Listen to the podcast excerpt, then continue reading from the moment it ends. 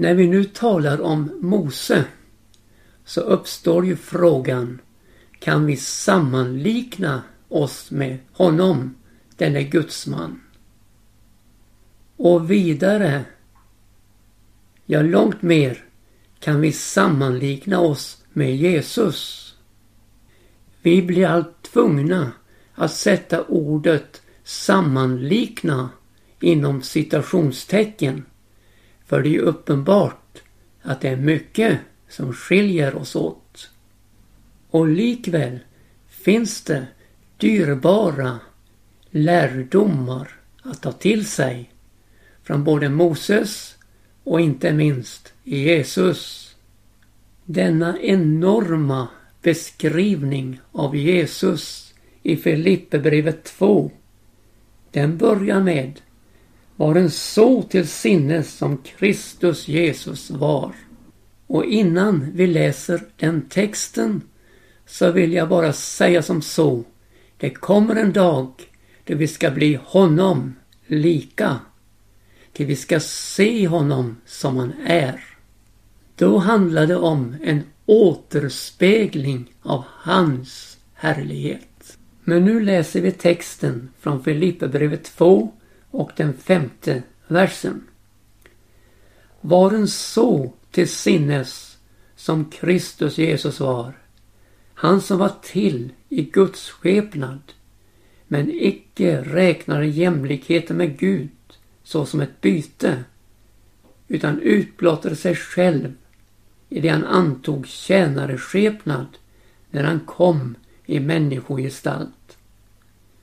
Så befanns han i utvärtes motto vara såsom en människa och ödmjukade sig och blev lydig intill döden, ja inte döden på korset. Vilken beskrivning! Vilket iklädande av tjänare skepnad. Och när vi nu talar vidare om Moses så börjar ju berättelsen med hans födelse som skedde under en mycket svår tid för Israels barn. Där i Egypten.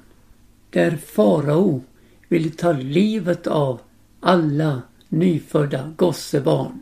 Sammanlikningen med vår tid är ju slående. Där fostret redan i moderns liv kan berövas livet. Sedan 1974 har över en miljon förvägrats att födas till livet i Sverige. Och så säger man abort är en icke-fråga. Så talar stenhjärtat. Livet börjar med befruktningen och att sabotera detta är att sabotera skapelseordningen. Men nu fanns det två hjälpkvinnor i Egypten som fruktade Gud och som inte dödade de nyfödda gossebarnen när de förlöste dem utan tvärt emot lät dem leva. Denna gudsfruktan var ju helt avgörande för historiens gång.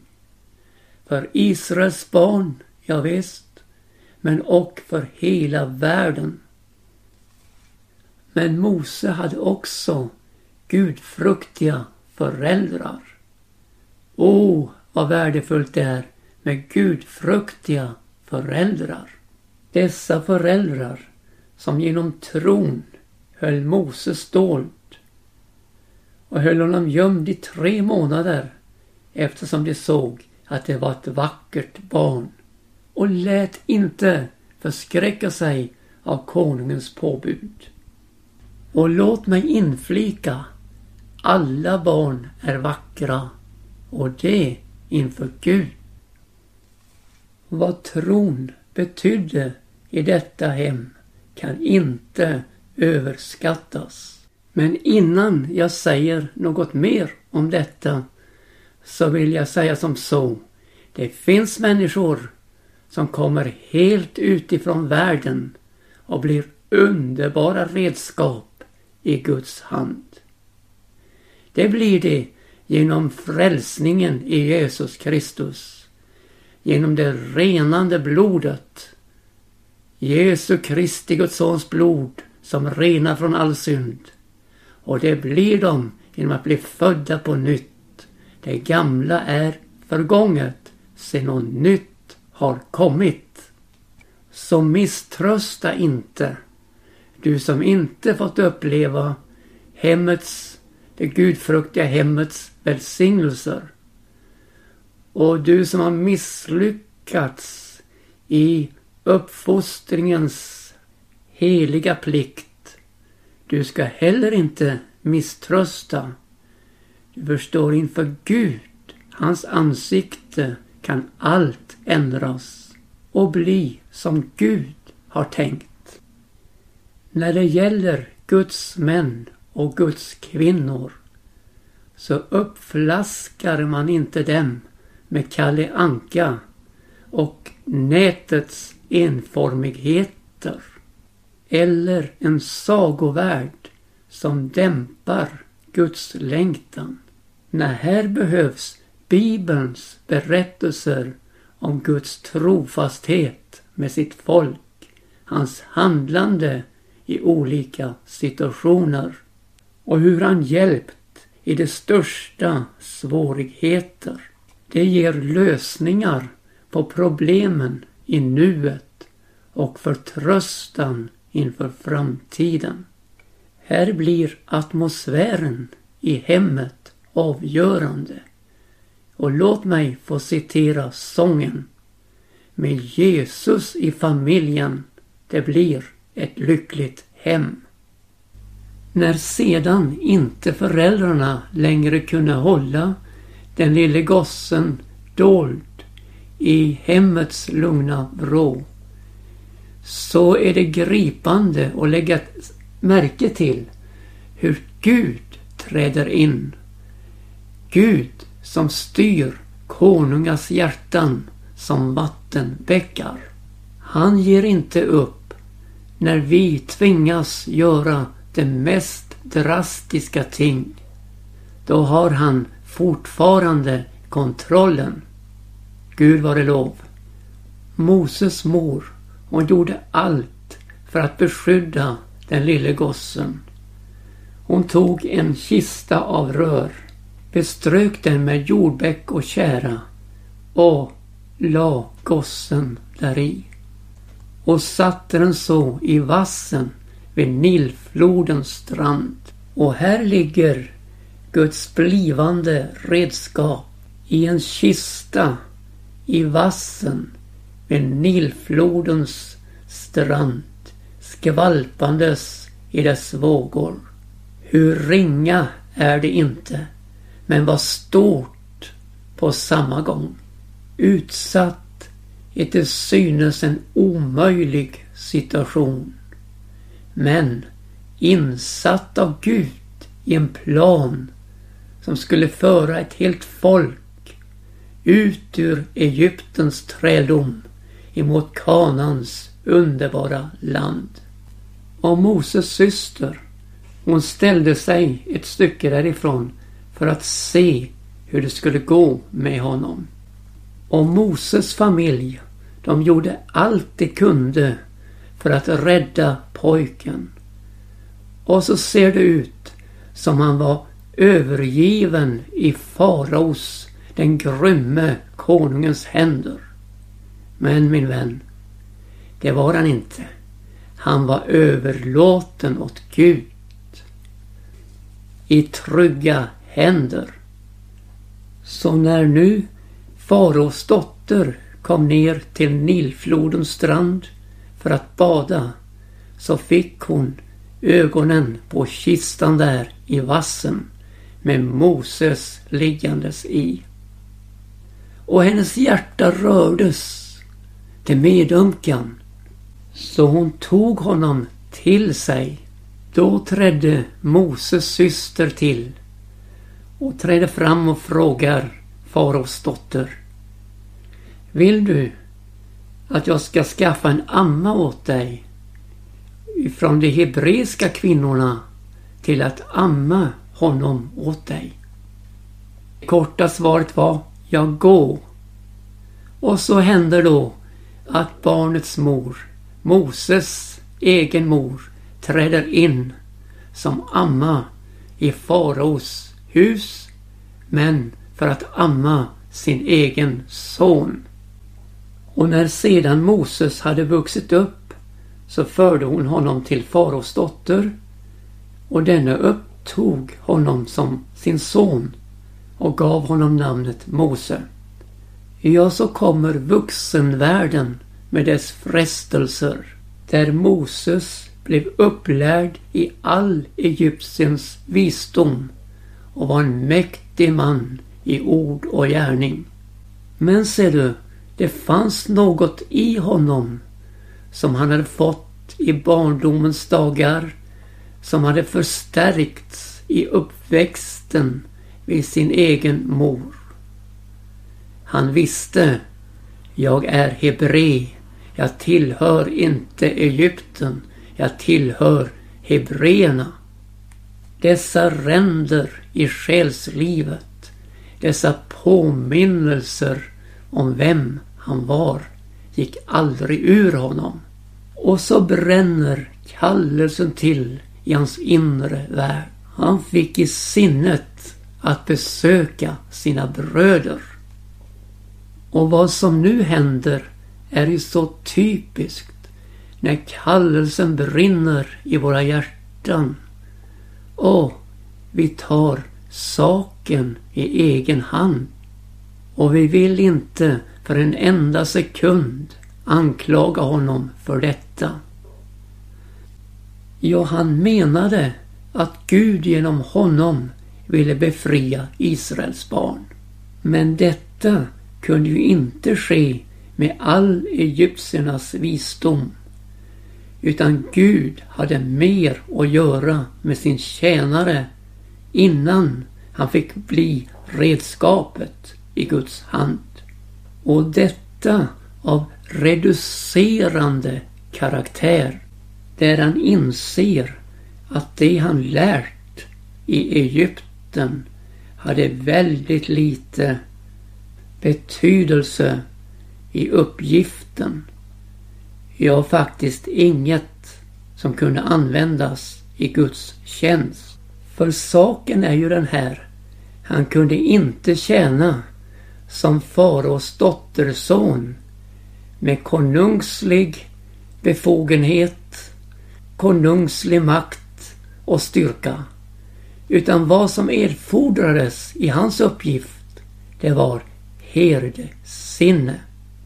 Och det fick han lära, ja tillämpa i 40 långa år i öknen då han passade på sin svärfader Getros får. För att sedan förstå att det här ser det sinnet, det var det som skulle användas i tjänsten för Gud. Mose han var en hetlevrad man. Hetlevrad som få. Men nu säger Guds ord att en mans vrede kommer inte att stad vad rätt är inför Gud. Därför måste denna vulkan släckas. Och det, det gjorde Gud på sitt mest förundliga sätt genom dessa långa år i öknen vaktande fåren. För med denna vulkan i sitt inre var han till fara för både sig själv och sin omgivning.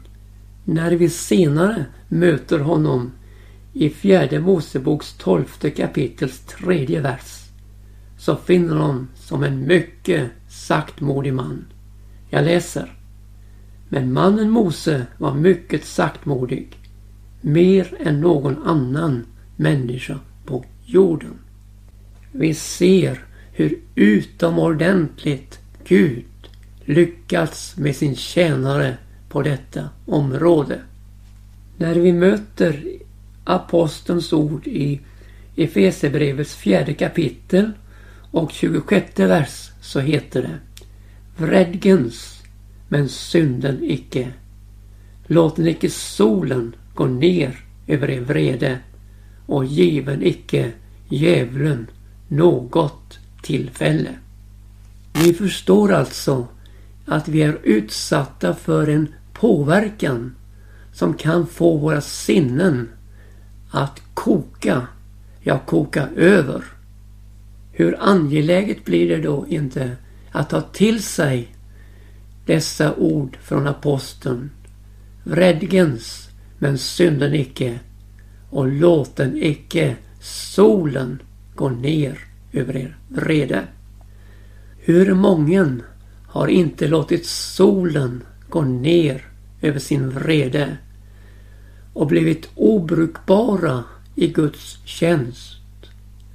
Ja, det har gått dagar och nätter, veckor, månader och år och man har behållit sin vrede. Och bitterheten har slagit så djupa rötter i själen att allt är fel med allt och alla. Ja, till och med Gud vågar man att opponera sig emot. Hur mörkt är inte detta tillstånd där rättfärdighetens sol inte lyser över vandringen. Så här behövs omvändelse, ja sinnesändring. För att återgå till Mose så har vi kunnat följa honom från spädbarnets lyckliga dagar i hemmet, de tre månaderna, fram till den här tiden då han är i öknen och vaktar fåren. Han upplevde den sprattlande glädjen hemma hos mor och far. Och när han blev satt ut i vassen vid Nilfloden så blev tårarna hans räddning. Det var dessa tårar som bevekade faraos dotter och gjorde att hon tog honom till sig upp ur vattnet. Så kom barn och ungdomstidens utfordringar där hans egen mor fick vara den som visade vägen. Och när han sedan blev stor och kallades faraos dotters son så fanns det något av protest i hans inre över den stolthet och upphöjelse han blev utsatt för. Så när han satt där i vagnen med faraos hästspann dragandes ekipaget och man ropade ut hyllningsordet framför honom. Ja, då kände han dissonans och märkte att denna förfänglighet inte var hans. Nej, jag tillhör ett annat folk. Jag tillhör hebreerna. Och så fick Gud möjlighet att verka i hans sinne. Att plantera in denna tanke. Han fick i sinnet att besöka sina bröder. Och där får hans inre redesvulkan sitt fulla utbrott. Han slår ihjäl egyptiern. Och vad saknade han? Jo, han saknade herdesinnet. Och då kan man slå ihjäl egyptier. Men man kan aldrig bli redskap för någon hebres frälsning och räddning. Hur viktigt är det inte när kallelsen brinner i våra hjärtan att den får sitt rätta uttryck så den kan kanalisera Guds kärlek till en fallen värld. Ja, människans sinne, sinnesvärld, är en oerhörd kampplats. Här kämpar Gud och djävulen om människans liv och tjänster. Därför heter det så uppfordrande till oss. Var en så till sinnes som Jesus Kristus var. Han med det fullkomliga herdesinnet. Han som var redo att lämna de 99 som ingen bättring behövde för att söka det hundrade fåret, det förlorade fåret. Som förlorat orienteringen och gått vilse i världens buskage. Hamnat bland tistlar och törnen och sargad av vilddjurens angrepp. Jag fördömd av människor. Men, men, ja men, älskad av Gud. O, oh, detta himmelska herdesinne som har förbindelse med livskällan och som kan förmedla den vidare ut till en fallen värld. Ja, till människor förlorade i syndens grepp.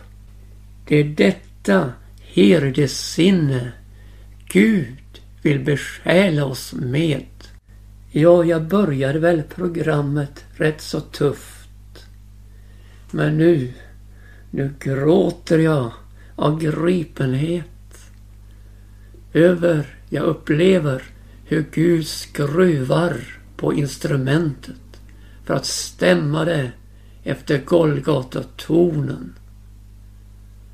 Må han få göra det med dig också min vän, att vi blir redskap brukbara i denna sena tid.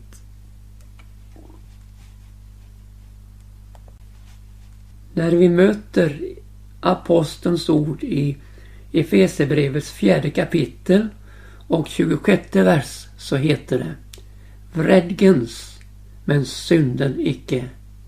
Låt icke solen gå ner över er vrede och given icke djävulen något tillfälle.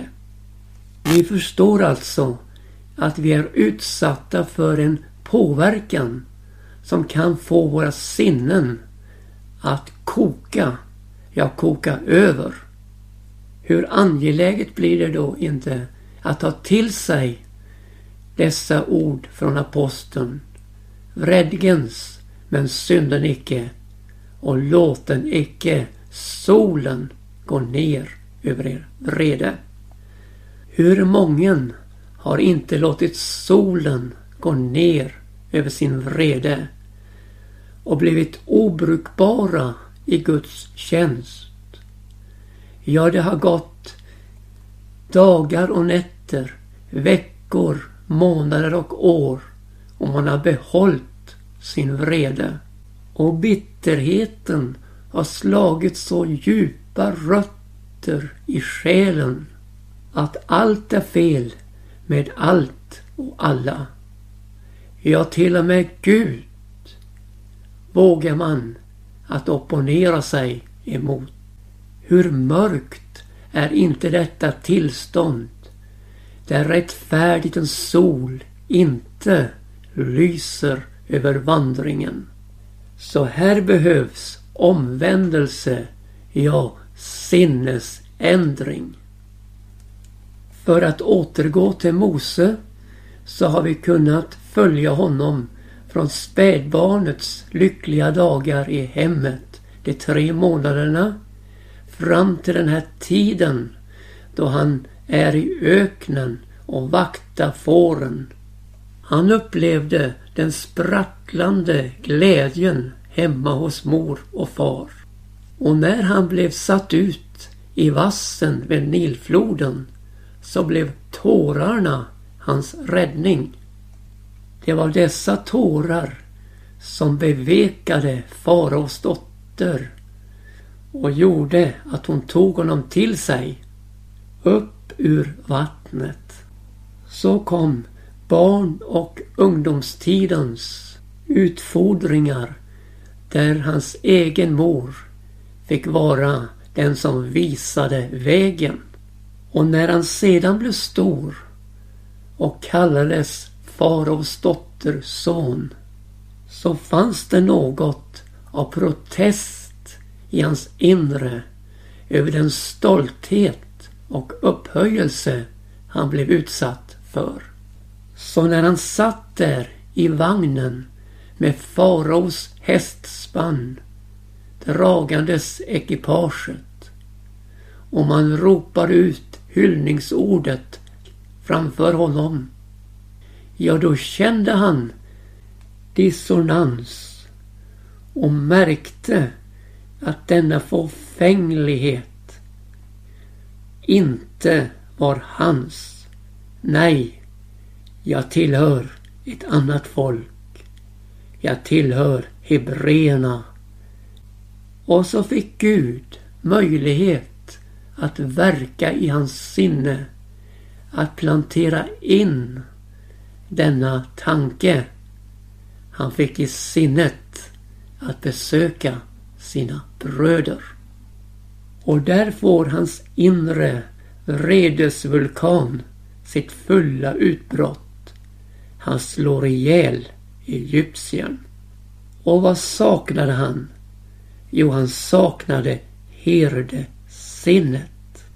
Och då kan man slå ihjäl egyptier.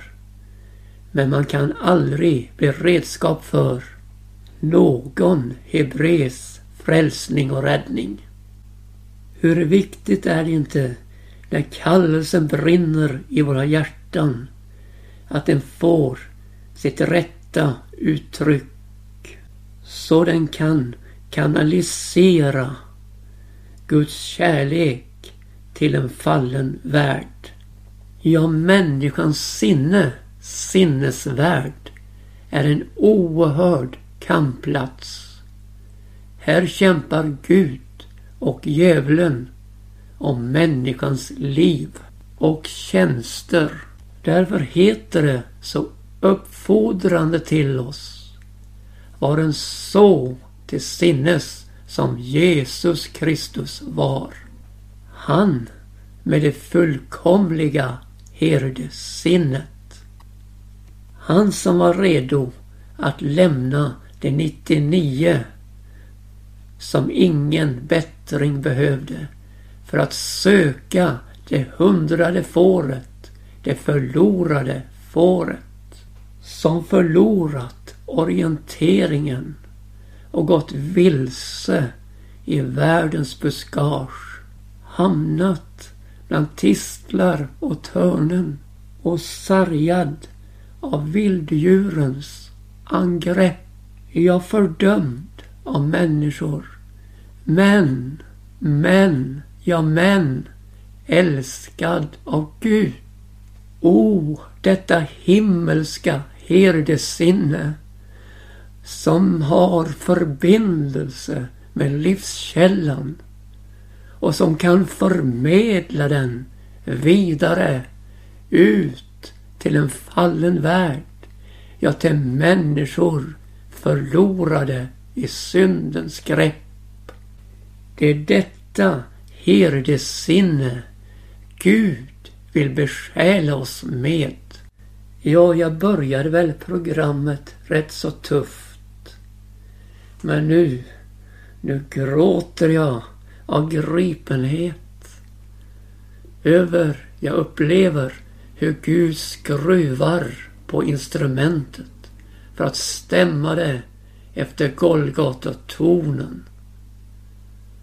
Må han få göra det med dig också min vän, att vi blir redskap brukbara i denna sena tid.